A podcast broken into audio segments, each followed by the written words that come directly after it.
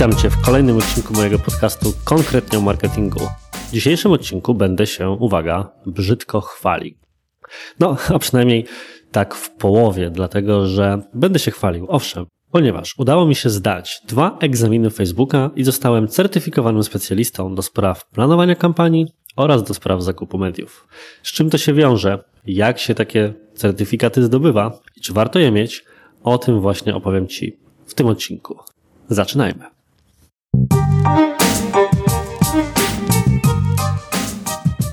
Uf, jeżeli z jakiegoś powodu wyda ci się te audio w podcaście dziwne, to prawdopodobnie wyjątkowo jest to problem z moim głosem. Jestem świeżo po chorobie, w zasadzie jeszcze w jej trakcie, stąd być może będę musiał raz na jakiś czas przerwać, żeby odkaszlnąć, ale na szczęście mój ukochany montażysta Jędrzej zawsze sprawia, że tego typu problemy, mam nadzieję, są dla ciebie po drugiej stronie niewyczuwalne. Dziś na warsztat wziąłem temat, który zajmował mi ostatnio całe dnie praktycznie, a przynajmniej wieczory, czyli temat certyfikacji Facebooka.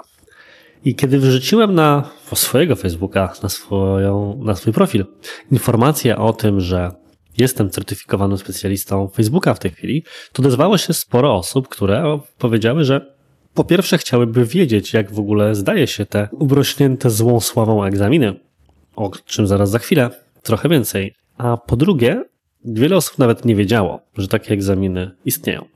Stwierdziłem więc, że to może być dobry materiał na odcinek. Spytałem różne osoby, w tym właśnie osoby, które śledzą mnie na Facebooku. Za wszystkie odpowiedzi dziękuję.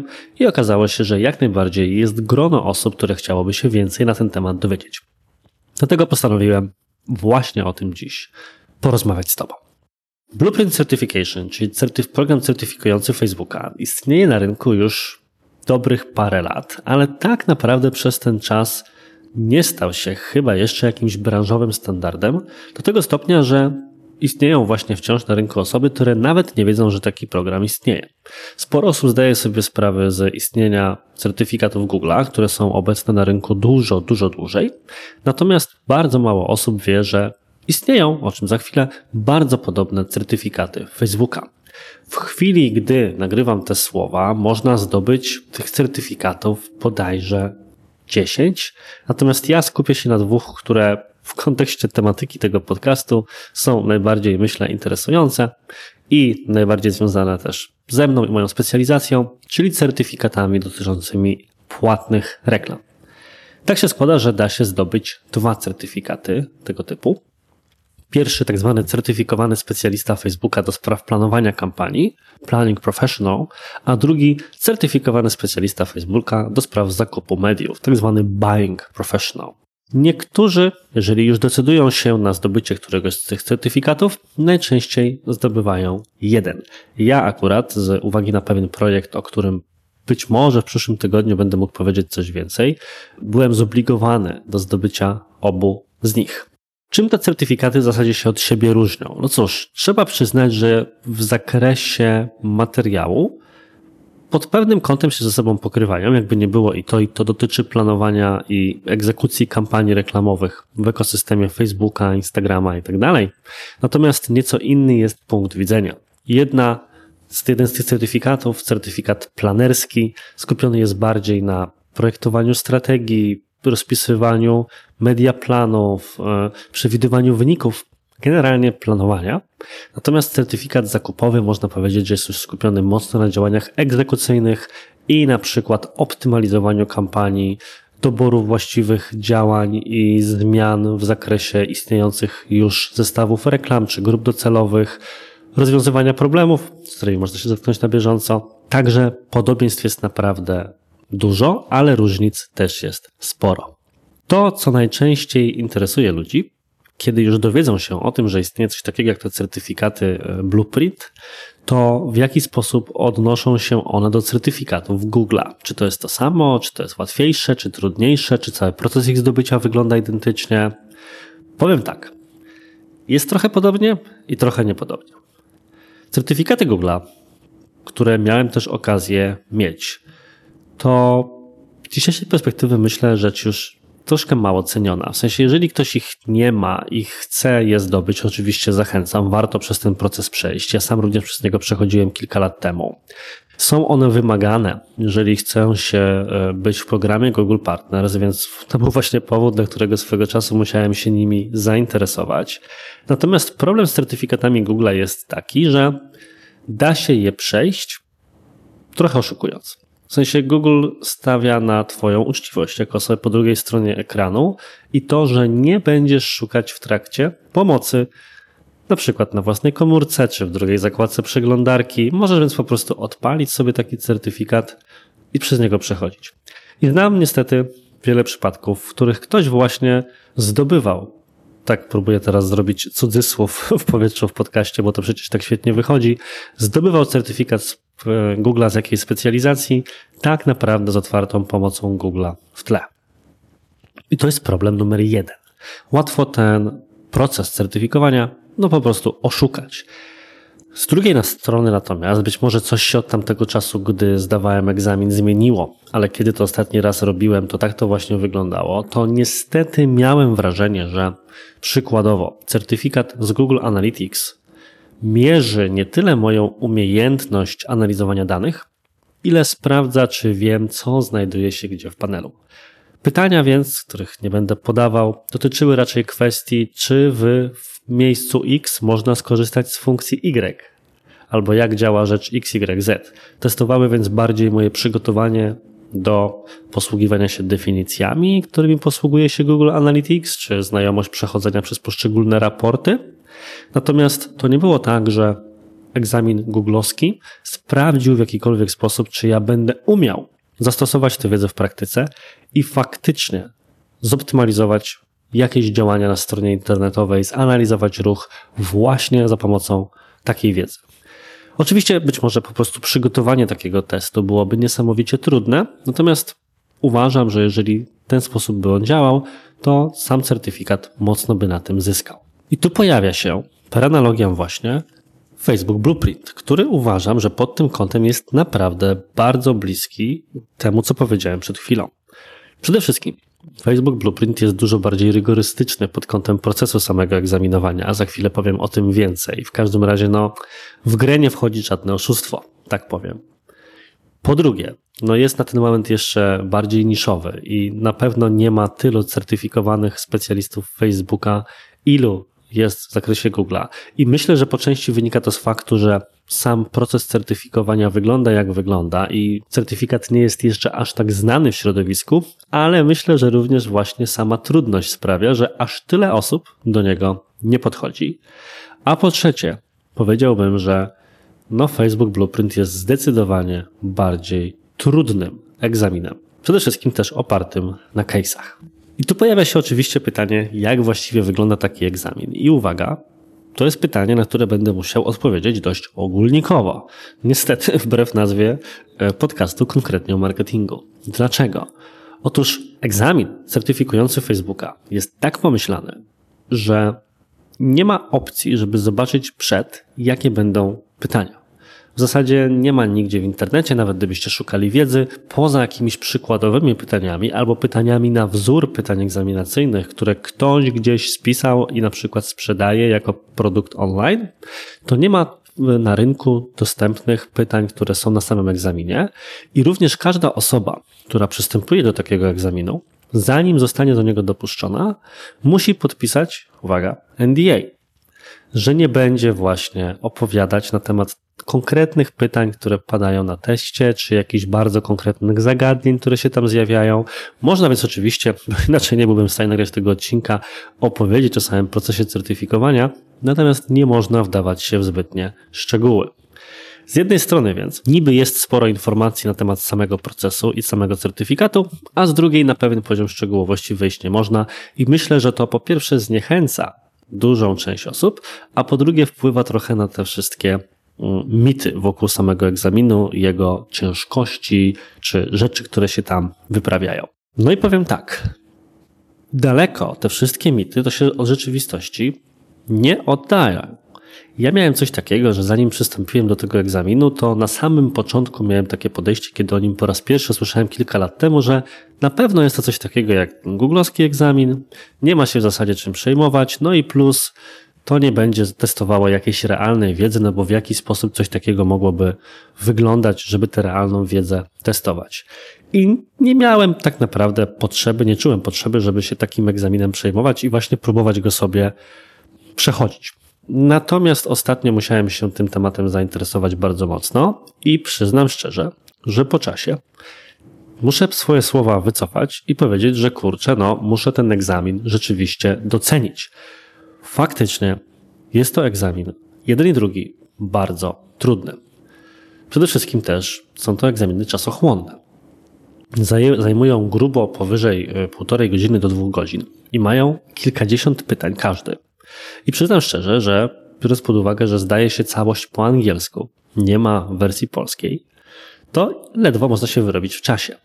Raz, że samych, samego czasu na poszczególne pytania wcale nie ma dużo, a po drugie, że biorąc pod uwagę już naprawdę fachowe słownictwo, które pojawia się w takich pytaniach, to jeżeli ktoś nie czuje się bardzo dobrze w języku angielskim, szczególnie biznesowym angielskim, to może sobie nie poradzić z certyfikacją, przede wszystkim właśnie z powodu na potencjalne problemy językowe. No bo jednak trzeba już wiedzieć na przykład, czym będzie słowo vertical w odniesieniu do kampanii na Facebooku, czy w ogóle jakichś e, działań marketingowych bądź produktowych.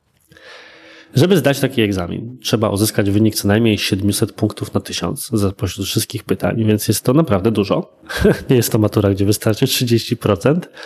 A poza tym pytania są różnie liczone. Czyli to nie jest tak, że jeżeli uzyskamy, obliczymy sobie, że uzyskaliśmy właściwą liczbę, prawdopodobnie właściwą dobrych odpowiedzi, to że automatycznie zdamy czysto procentowo. No niestety nie. Do obu egzaminów należy przygotować się osobno. Materiał się pokrywa, ale jednak też mocno różni. Nie mogę oczywiście powiedzieć w jakim zakresie, ale rzeczywiście jest tak, że, że egzamin planerski bardziej kładzie nacisk na to, w jaki sposób się kampanię planuje, a egzamin dotyczący zakupu mediów jest skupiony dużo mocniej już na optymalizacji istniejących kampanii. Co ciekawe, cały proces wygląda w sposób, który dodatkowo dokłada do stresu, czyli musimy zainstalować specjalny program i zanim w ogóle go odpalimy, to musimy najpierw sprawdzić, czy nasz komputer spełnia wymagania. Czy jest dobra jakość dźwięku, czy jest dobra jakość obrazka, czy nas widać, czy widać nas w kamerce, o czym za chwilę, czy jakość połączenia jest ok. I musimy wyłączyć wszystkie aplikacje w tle. To, co musiałem zrobić na swoim Macu, to zanim odpaliłem aplikację, to jak to nawet pokazywała mi instrukcja, żadna kropeczka na MacBooku nie mogła być włączona, więc czy Slack, czy komunikator, czy kalendarz, czy iMessage, wszystko musiało być wyłączone i dopiero wtedy byłem w stanie uruchomić całą procedurę egzaminacyjną. Do tego dochodziła weryfikacja tożsamości. Musiałem pokazać, że naprawdę ja to ja, także wysłać własny e, dokument tożsamości i cały czas byłem podglądany. Rzeczywiście jest tak, że w trakcie egzaminu w ogóle śmiesznie widzimy, widzimy siebie, ponieważ po drugiej stronie jest osoba, która sprawdza, czy nikt nam nie pomaga. I na stronie certyfikatów facebookowych, właśnie na facebook.com Business Learn Certification, można dowiedzieć się więcej właśnie na temat tych wszystkich wymagań egzaminacyjnych. To jest akurat ta część, której można doczytać. I faktycznie jest tak, że gdybym sobie wstał od stołu nagle, to prawdopodobnie egzamin zostałby odwołany. Gdybym zaczął coś mówić, zaczęły się jakieś hałasy, zostałby odwołany. Gdybym miał przed sobą jakieś materiały, notatki czy tym podobne rzeczy, a nie można, nawet komórki nie można mieć, czy nie można mieć własnej kartki, to też mógłby być odwołane. I przyznam szczerze, że w pierwszej chwili myślałem, że być może to wszystko jest tak napisane, ale sam proces nie jest aż tak rygorystyczny. A tymczasem to, co chyba mogę powiedzieć, a przynajmniej mam taką nadzieję, to że ja mam taką tendencję, że kiedy się nad czymś zastanawiam, coś liczę, a takie zdania też były, to zaczynam się na przykład drapać. I wtedy też dłonią częściowo zakładam usta. I jakie było moje zdziwienie, kiedy właśnie liczę sobie jakąś rzecz i tam majstruję sobie przy ustach i nagle dostaję komunikat od egzaminatora, że proszę nie zasłaniać ust. Prawdopodobnie dlatego, że być może mam gdzieś ukrytą jakąś słuchawkę, dyktuję komuś pytania, czy coś takiego robię, więc jest, można wręcz powiedzieć, że pewien poziom paranoi. Ale z drugiej strony, dzięki temu, że tak to wygląda, to faktycznie ma się pewność, że osoba, która legitymuje się później takim certyfikatem, faktycznie tę wiedzę ma i faktycznie sama musiała te wszystkie rzeczy rozwiązać, więc no cóż, coś za coś, szczególnie, że egzamin odbywa się w formie zdalnej i tym bardziej ciężko byłoby kogoś skontrolować. I rzecz, która przyznam, zaskoczyła mnie najbardziej. W sensie nie spodziewałem się, że tego typu certyfikat może w ten sposób wyglądać i to jest główny powód, dla którego uważam, że kurczę, faktycznie warto spróbować do niego podejść. To fakt, że tak wiele spośród pytań, co widać też w materiałach przygotowawczych, to nie są pytania czysto wiedzowe na temat jakichś funkcji, ich działalności, ale po prostu case'y. Dostajemy na przykład konkretną sytuację dane z kilku zestawów reklam, punkt wyjścia całej kampanii, cele potencjalnego klienta i naszym zadaniem jest udzielić rekomendacji, co należałoby zmienić. Czy budżet, czy targetowanie, odnieść się do sytuacji bieżącej. Albo w kontekście planerskiego egzaminu dostajemy informacje na temat tego, jak często, do kogo, kiedy, gdzie klient chce dotrzeć, co sprzedaje i mamy za zadanie wyliczyć na przykład, ile będzie wymaganego budżetu, ile będzie wymaganych wyświetleń, ile może kosztować jakaś akcja i tak dalej. A nie możemy tego sobie liczyć nigdzie, mamy tylko wbudowany w aplikację testującą kalkulator. I to wszystko. Nie dostajemy żadnych wzorów, którymi moglibyśmy się posłużyć. To są informacje, z którymi musimy już na ten egzamin przyjść. Rzeczywiście więc łatwo nie jest. I tu pojawia się pytanie, że gdyby ktoś z Was teraz doszedł do wniosku, że chciałby spróbować swoich sił z tym egzaminem facebookowym, to jak do takiego egzaminu należy się przygotować? Cóż, ponownie, nie mogę powiedzieć o całej zawartości egzaminu, więc mogę dość oględnie tylko odwołać się do kilku rzeczy, na które zwróciłbym uwagę, gdybym miał teraz z tą wiedzą e, ponownie siadać do przygotowań egzaminacyjnych. Przede wszystkim warto poświęcić dużo czasu, żeby doczytać o wszystkich możliwych rozwiązaniach reklamowych Facebooka, Instagrama i tak dalej.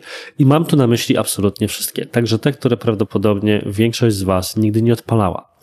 Z uwagi na to, że te certyfikaty dotyczą nie tylko małych biznesów, ale też zdają je osoby z wielkich agencji, wielkich firm, domy mediowe i tak to spora część rozwiązań, które są tematyką sporej liczby pytań, to są rzeczy, które dedykowane są biznesom takiej skali. Co za tym idzie, nie będziemy mieć jedynie pytań na przykład związanych z sprzedażą czy konwersją, ale też wszystkimi rzeczami związanymi z budowaniem świadomości marki, rozpoznawalności, przypominaniem sobie reklamy po czasie, czyli rzeczą związanymi z kampaniami zasięgowymi i tak dalej. Jeżeli istnieje jakaś zaawansowana mechanika tworzenia kampanii na Facebooku, to na pewno pojawi się związane z nią pytanie, nawet jeżeli jest to opcja, o której jeszcze nie słyszeliście, że istnieje. A tymczasem są gdzieś ludzie, którzy z niej korzystają i wobec tego musimy mieć tego świadomość, jeżeli chcemy być certyfikowanym specjalistą do spraw Facebooka. Tu się pojawia duży wątek, nastawienie na duże kampanie i umiejętność liczenia. Jeżeli chcecie być gotowi do zdania obu egzaminów, to musicie się nastawić na to, że przede wszystkim jeden z egzaminów bardzo mocno zwraca uwagę na wasze zdolności predykcyjne, czyli czy umiecie faktycznie zaplanować kampanię i czy wiecie, w jaki sposób później przewidywać jej efekty i jak ją poprawiać. Czyli faktycznie, mając zestaw danych wyjściowych, musimy umieć przygotować rekomendacje dla potencjalnego klienta, jakich wyników, efektów, zasięgów mógłby się po czymś takim spodziewać. Gdzie szukać takich informacji? Gotowych wzorów nie ma. Musicie znaleźć je gdzieś indziej. Natomiast jeżeli chcecie zobaczyć, jak wyglądają przykładowe tego typu pytania, to miejsce, do którego mogę odesłać, to są testy przygotowawcza. Zarówno w kontekście testu Planning Professional, jak i w kontekście testu Buying Professional, jeżeli wpiszecie sobie w Google Practice Tests albo przeklikacie się odpowiednio przez e, panel facebookowy, to znajdziecie dwa przykładowe testy po 30 pytań, które mniej więcej pozwolą Wam poczuć, jak wygląda klimat takiego testu. Ale z góry muszę ostrzec, że pytania, które są na prawdziwym teście, są myślę, że trudniejsze. Myślę, że trudniejsze, chyba że dochodzi jeszcze do tego ten aspekt stresowy, bo pamiętam, że kiedy odpaliłem swój pierwszy test i przeszedłem przez ten cały rygorystyczny, trwający kilkanaście minut proces przygotowania do samego zdawania, to byłem już tak poddenerwowany, że zacząłem czytać pierwsze pytanie i w ogóle nie zdawałem sobie sprawy z tego, co czytam. Więc biorę poprawkę na to, że e, może była to kwestia stresu, a do tego dochodzi fakt, że ja akurat z uwagi na różnice w strefach czasowych i moje obciążenie innymi zadaniami, oba testy zaczynałem zdawać gdzieś o 22 po dniu pracy. Także łatwo nie było. Natomiast wracając do głównego wątku, testy przykładowe to świetny sposób, żeby zobaczyć, czego ewentualnie się pod takim, po takim teście spodziewać i przy okazji sprawdzić, czy językowo dacie radę. Mówię to absolutnie uczciwie. Tutaj nikogo nie chcę oczywiście obrazić, ale no faktycznie trzeba się dobrze i swobodnie czuć w biznesowym angielskim i jeszcze związanym z kampaniami na Facebooku, żeby odnaleźć się później w pytaniach testowych oraz żeby zobaczyć, jak wyglądają poszczególne pytania oparte bardziej na case'ach i oparte bardziej na obliczeniach. Jeżeli chcielibyście postawić tylko na jeden z tych testów i chcielibyście podejść do tego, który uznacie za łatwiejszy, to oczywiście ciężko jest mi rekomendować, który jest łatwiejszy, bo oba są rzeczywiście trudne i inne, ale mam wrażenie, że łatwiej zdawało mi się i udało mi się też wyższy wynik uzyskać w teście z zakupu mediów. Było tam też mniej obliczeń, kwestii planerskich, więc no, z mojej perspektywy to była rzecz prostsza. Natomiast ja się bardzo dobrze czuję w optymalizacji kampanii, lubię takie rzeczy, robię je od lat, więc może też dlatego tak było. Być może ktoś inny lepiej poczuje się właśnie w tej kwestii media planerskiej.